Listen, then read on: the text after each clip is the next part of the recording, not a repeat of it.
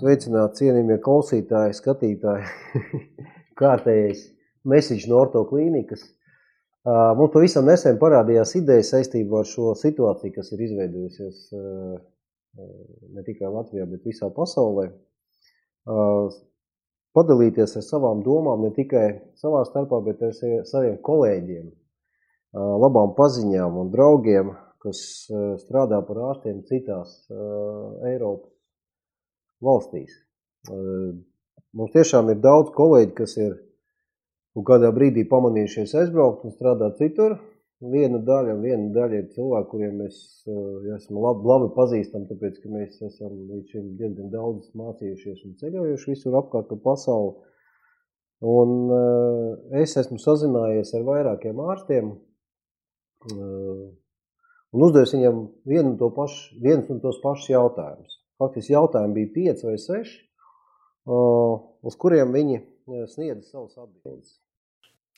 Hi, uh, I'm Andrzej Wieluszewski. I'm orthopedic surgeon from Poland. I live, I live in Warsaw, the capital, and uh, I work in a private sports medicine clinic called Orthopedica. I'm the co-owner and founder of this organization. Uh, the situation in Poland uh, is not so bad. It, we don't have many, many infected. Uh, of course, there are some places where the situation is uh, situation is very serious, even dramatic. But generally, in the country, we don't have a big problem with many deaths or or um, public health system total crisis. The, the schools are closed since 11th uh, March, uh, and they are going going to be closed uh, till I think 24th May. It is a lot of time. It it is the source of, of the big problem because the parents have to stay at home to take care care of children, so they are not they do not have a time to work. So this is a problem for many many uh, businesses. Um, so people try to work from home, uh, home office, teleconferences, and you know all this stuff. Mm, uh, the public transport uh, is a little bit limited because there is a limit of the persons who are allowed to to to be in a, in a bus or in the train. Uh, the restaurants, clubs, um, sport is closed, of course. Uh, people people are obliged to, to use masks since uh, 16th of April. Uh, I think that's that's a good decision. Uh, they are also obliged to to to wear gloves uh, in shops and in public uh, public space. Many things uh, has have changed. Um, I mean, uh, we we don't have so many acute cases, acute knee cases, especially skiers. That's that's obvious, but uh, we have other trauma cases. Uh, before I was limited to foot and ankle or knee uh, surgery, but now uh, I do all the orthopedics, so we don't have any strict regulations about the elected surgeries. Uh, if we think that uh, some intensive care will be needed, long intensive care will be needed, we don't decide, we don't qualify this, such a patients for the surgery. And nobody knows the, the future. There are some prognoses that we are after the peak of pandemic, and the others say that this peak is before us. So the regulations are a little bit too strong. Economy does not like this situation, and probably we will have a problem next years with big recession, big crisis. So I think that we flattened, we have flattened the curve of uh, epidemic, but now we should flatten the curve of recession. In my opinion, we should gradually come back to, to normal work. In May, uh, a presidential election, uh, the politicians think uh, to organize or not organize. They argue, there, there are many sides, many arguments, and uh, they, they think, some people think that the election should be organized, or some people are against that. And I think it takes um, a lot of time to, t- to talk about that, not about the uh, economical situation. So thank you, Andres, for inviting me. So take care. Goodbye. Hello, everybody. My name is Madis Rahu. I am from Estonia and I am orthopedic surgeon who am specialized more to sports trauma at the moment and I started to work 30 years ago. Um, I'm working in two different cities from Monday to Wednesday, normally in Tallinn, in private clinic most of time, and from Thursday to Friday, I'm working in Tartu University clinic and also teach students.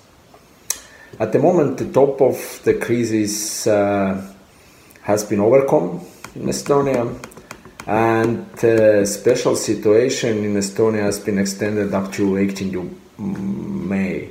The kindergarten and schools are closed. Probably the schools remain closed, but the secondary school and final examination will be held. E-learning is well developed in Estonia. Restaurants are open. The shopping centers, the big shopping centers were closed where only food stores, pharmacies, pet shops, telephone shops remained open. Uh, there were no changes in transport, but passengers in just less. There were the transport density uh, of decreased. The wearing mask and clothes is recommended in our country, especially indoors. But the service staff have to use it. In addition, also to use the carries plus the face protection especially in shopping centers as well as also as in medical facilities. Uh, if to talk uh, about changes in my work, in my personal work, all surgical activities were stopped and the ambulatory work took place by by phone. We called the patients asking about situation. The university teaching was carried out through video lectures uh, as I told you, the planned surgical work was completely stopped. Uh, since the week, uh, this week, the government has promised to start the plant work, and the private clinics were also open again.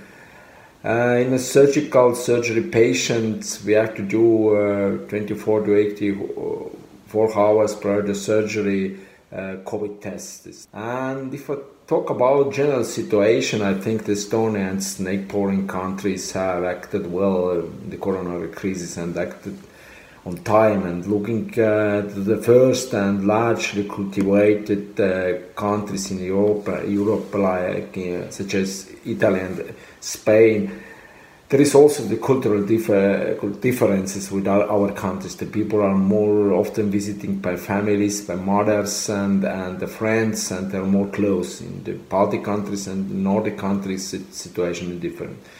We, for us, it's to be alone, it's quite normal. On the other, other side, due to the disease in these countries like Italy and Spain, it was already smarter in, in other, for other countries, and I think we managed to apply restriction early and in larger volumes. To talk on differences, I think it is uh, what I will be do different in this situation. I think if talk about medicine, I think and termination of shadow work in medicine service and prohibition of working in private hospitals were not justified. In particular, the termination of scheduled operation. And this would be have been done less. And at this moment, is actually in, it is serious problem in large hospitals uh, to start with uh, this work. I will thank you everybody and be healthy. Добрый вечер, чао всем. Меня зовут Алексей Заловкин. Я живу в Италии, в городе Риме и работаю в клинической больнице имени Святого Андрея Римского государственного университета Ла Сапьенца. По специальности я радиолог, но в частности занимаюсь инвазивной радиологией уже больше 15 лет. Говоря о нормальном рабочем дне до вирусной эпидемии, до вирусной инфекции, кажется, это было так давно, и даже трудно вспомнить. Короче, мы проводили плановые мини-инвазивные операции, процедуры, как они называются в ангиографическом зале. Кроме лечения пациентов, мы принимали э, их в амбулатории. И говоря о том, как поменялся мой рабочий день э, во время этой эпидемии, скажем так, я выполняю те же самые функции инвазивного радиолога, но количество процедур, естественно, уменьшилось потому что мы не можем проводить плановые процедуры, невозможно э, в этот момент закрыты все госпитализации. Естественно, э, мы перешли только на острые процедуры, на неотложные, которых тоже, э, количество которых тоже сократилось. Но что делать? Это кризис, нужно держаться, нужно вести нашу работу. Раньше бы во время, во время не, не кризиса – количество процедур снизилось бы, было бы немного, скажем, скучно. Мы совсем не скучаем, потому что половина процедур, которых мы делаем, они на больных COVID. И тогда перед каждой процедурой мы одеваемся по 30 минут, одеваем халаты, бахилы, шапки, очки, маски, две, маски, две пары перчаток, э, все, что хочешь. Главное, чтобы все было закрыто. Естественно, работать в таких условиях намного тяжелее. И можно сказать так, что наша больница была назначена одним из центров по приему э, больных COVID. То есть и тогда приемное отделение стало, было переоборудовано. переоборудовано. И открыли две новых интенсивных терапии – переоборудовали три отделения на прием и лечение э, больных с вирусной инфекцией. Очень большая проблема с онкологическими больными, потому что опухоли все равно, вирус или не вирус, или не вирус, она, она растет и убивает человека. Так что я думаю, что после того, как закончится эта эпидемия, будет очень большая проблема и с онкологическими больными в первую очередь. Однозначно можно сказать, что изначально меры были приняты совершенно недостаточные. Кроме того, уже когда в Китае был этот кризис в полном разгаре, и было много смертных случаев, и интенсивные терапии были битком забиты людьми, много больных контактов, и там уже начался локдаун давно-давно, наши политики, информация, газеты, телевидение говорило, что это простой грипп, это что это самое, Китай далеко, так это самое, если что-то случится, здесь это гриппом, переболеем, и туда-сюда ничего такого серьезного не случится. Когда уже начались тоже первые случаи, первые контакты, никто особо не дал этому веса никакого.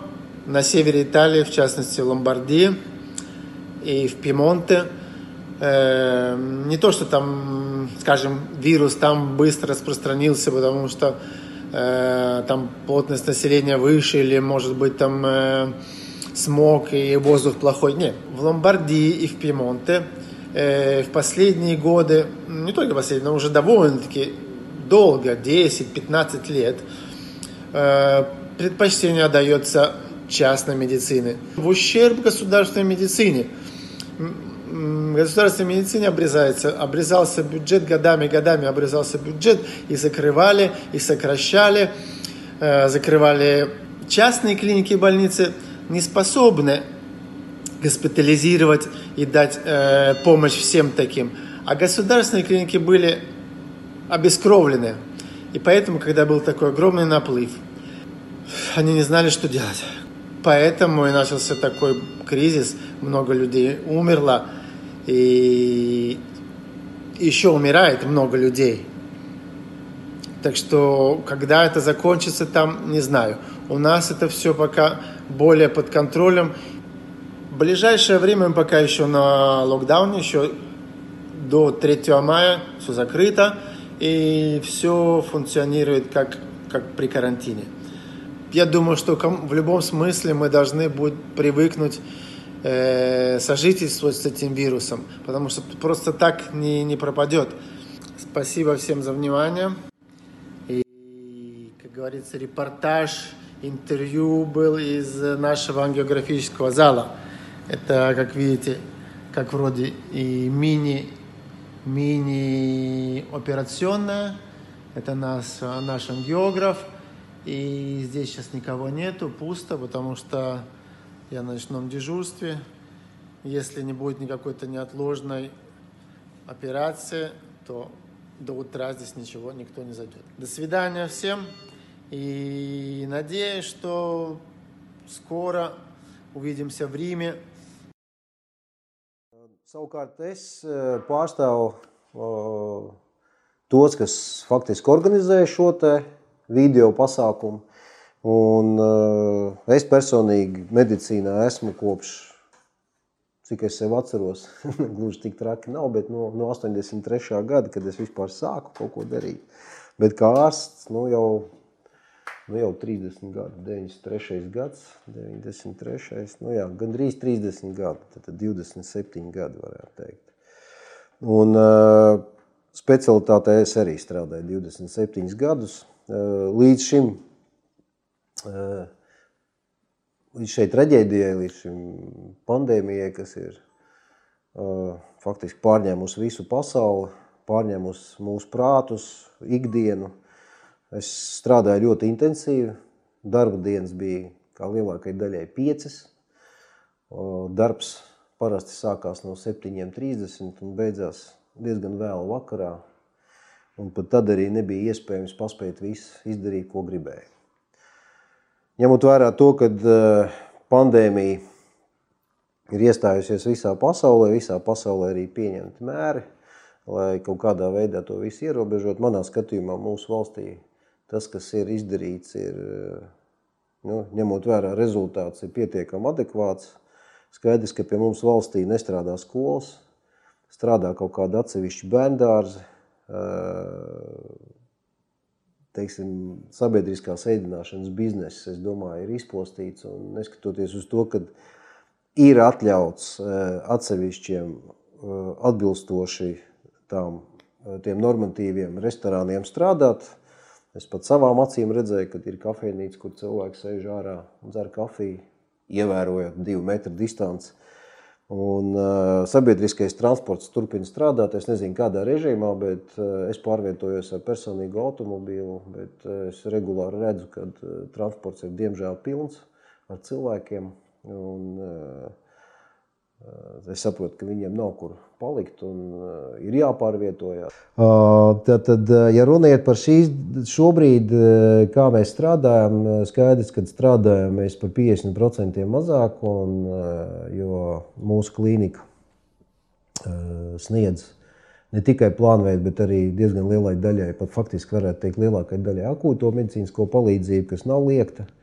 Un mēs turpinām konsultēt, operēt Jo, diemžēl cilvēki ar eh, bojātiem muskuļiem, cīpslām, laustiem kauliem, eh, meniskiem, es neturpināšu eh, saukt visas diagnozes, dzīvot nevar. Viņiem tā palīdzība ir jāsniedz pēc iespējas ātrāk, jo tas ne tikai traucē un sāp, bet tas arī var novest pie faktiski diezgan nopietnām fiziskām problēmām nākotnē. Tā kā risks saslimt ar esošo galveno slimību Covid ir mazāks nekā tomēr iegūto iespējamo invaliditāti, ja nerisinātu šo jautājumu uz doto brīdi. Tāpēc arī es, teiksim, skatoties uz to, kas šobrīd notiek Latvijā attiecībā uz plānveidu medicīnu, esmu viegli sakot neizpratnē. Man liekas, ka atstāt strādāt lielus tirdzniecības centrus, ļaut strādāt restorāniem, vienalga kādā režīmā, strādāt pārtiks veikaliem, turpināt pārvietoties ar transportu un neļaut cilvēkiem nonākt pie ārsta arī plānveida kārtā ar dažādām medicīniskām problēmām. Pilnīgi vienalga, kādas tās būtu. Es uzskatu, ka tas ir nepareizi.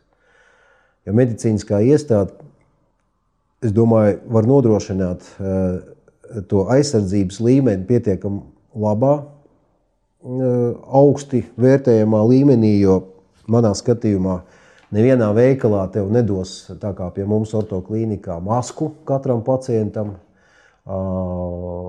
netiks ievērots režīms, kad vienā telpā vienlaicīgi atradīsies nu, neliels cilvēku skaits, teiksim, lai būtu iespēja ievērot pietiekami ne tikai divu metru, pat lielāku distanci savā starpā.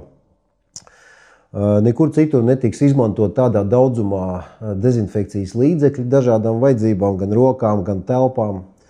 Tā kā manā skatījumā tas, kas šobrīd notiek ar plānveidu medicīnu, tas ir absolūts, uh, uh, absolūts haoss. Es domāju, ka tā ir viena no tādām manā skatījumā lielākajām kļūdām, kas šobrīd ir pielaista uh, no valdības puses. Es domāju, ka uh, tas droši vien nākotnē arī parādīs, uh, cik tas bija pareizi vai nepareizi.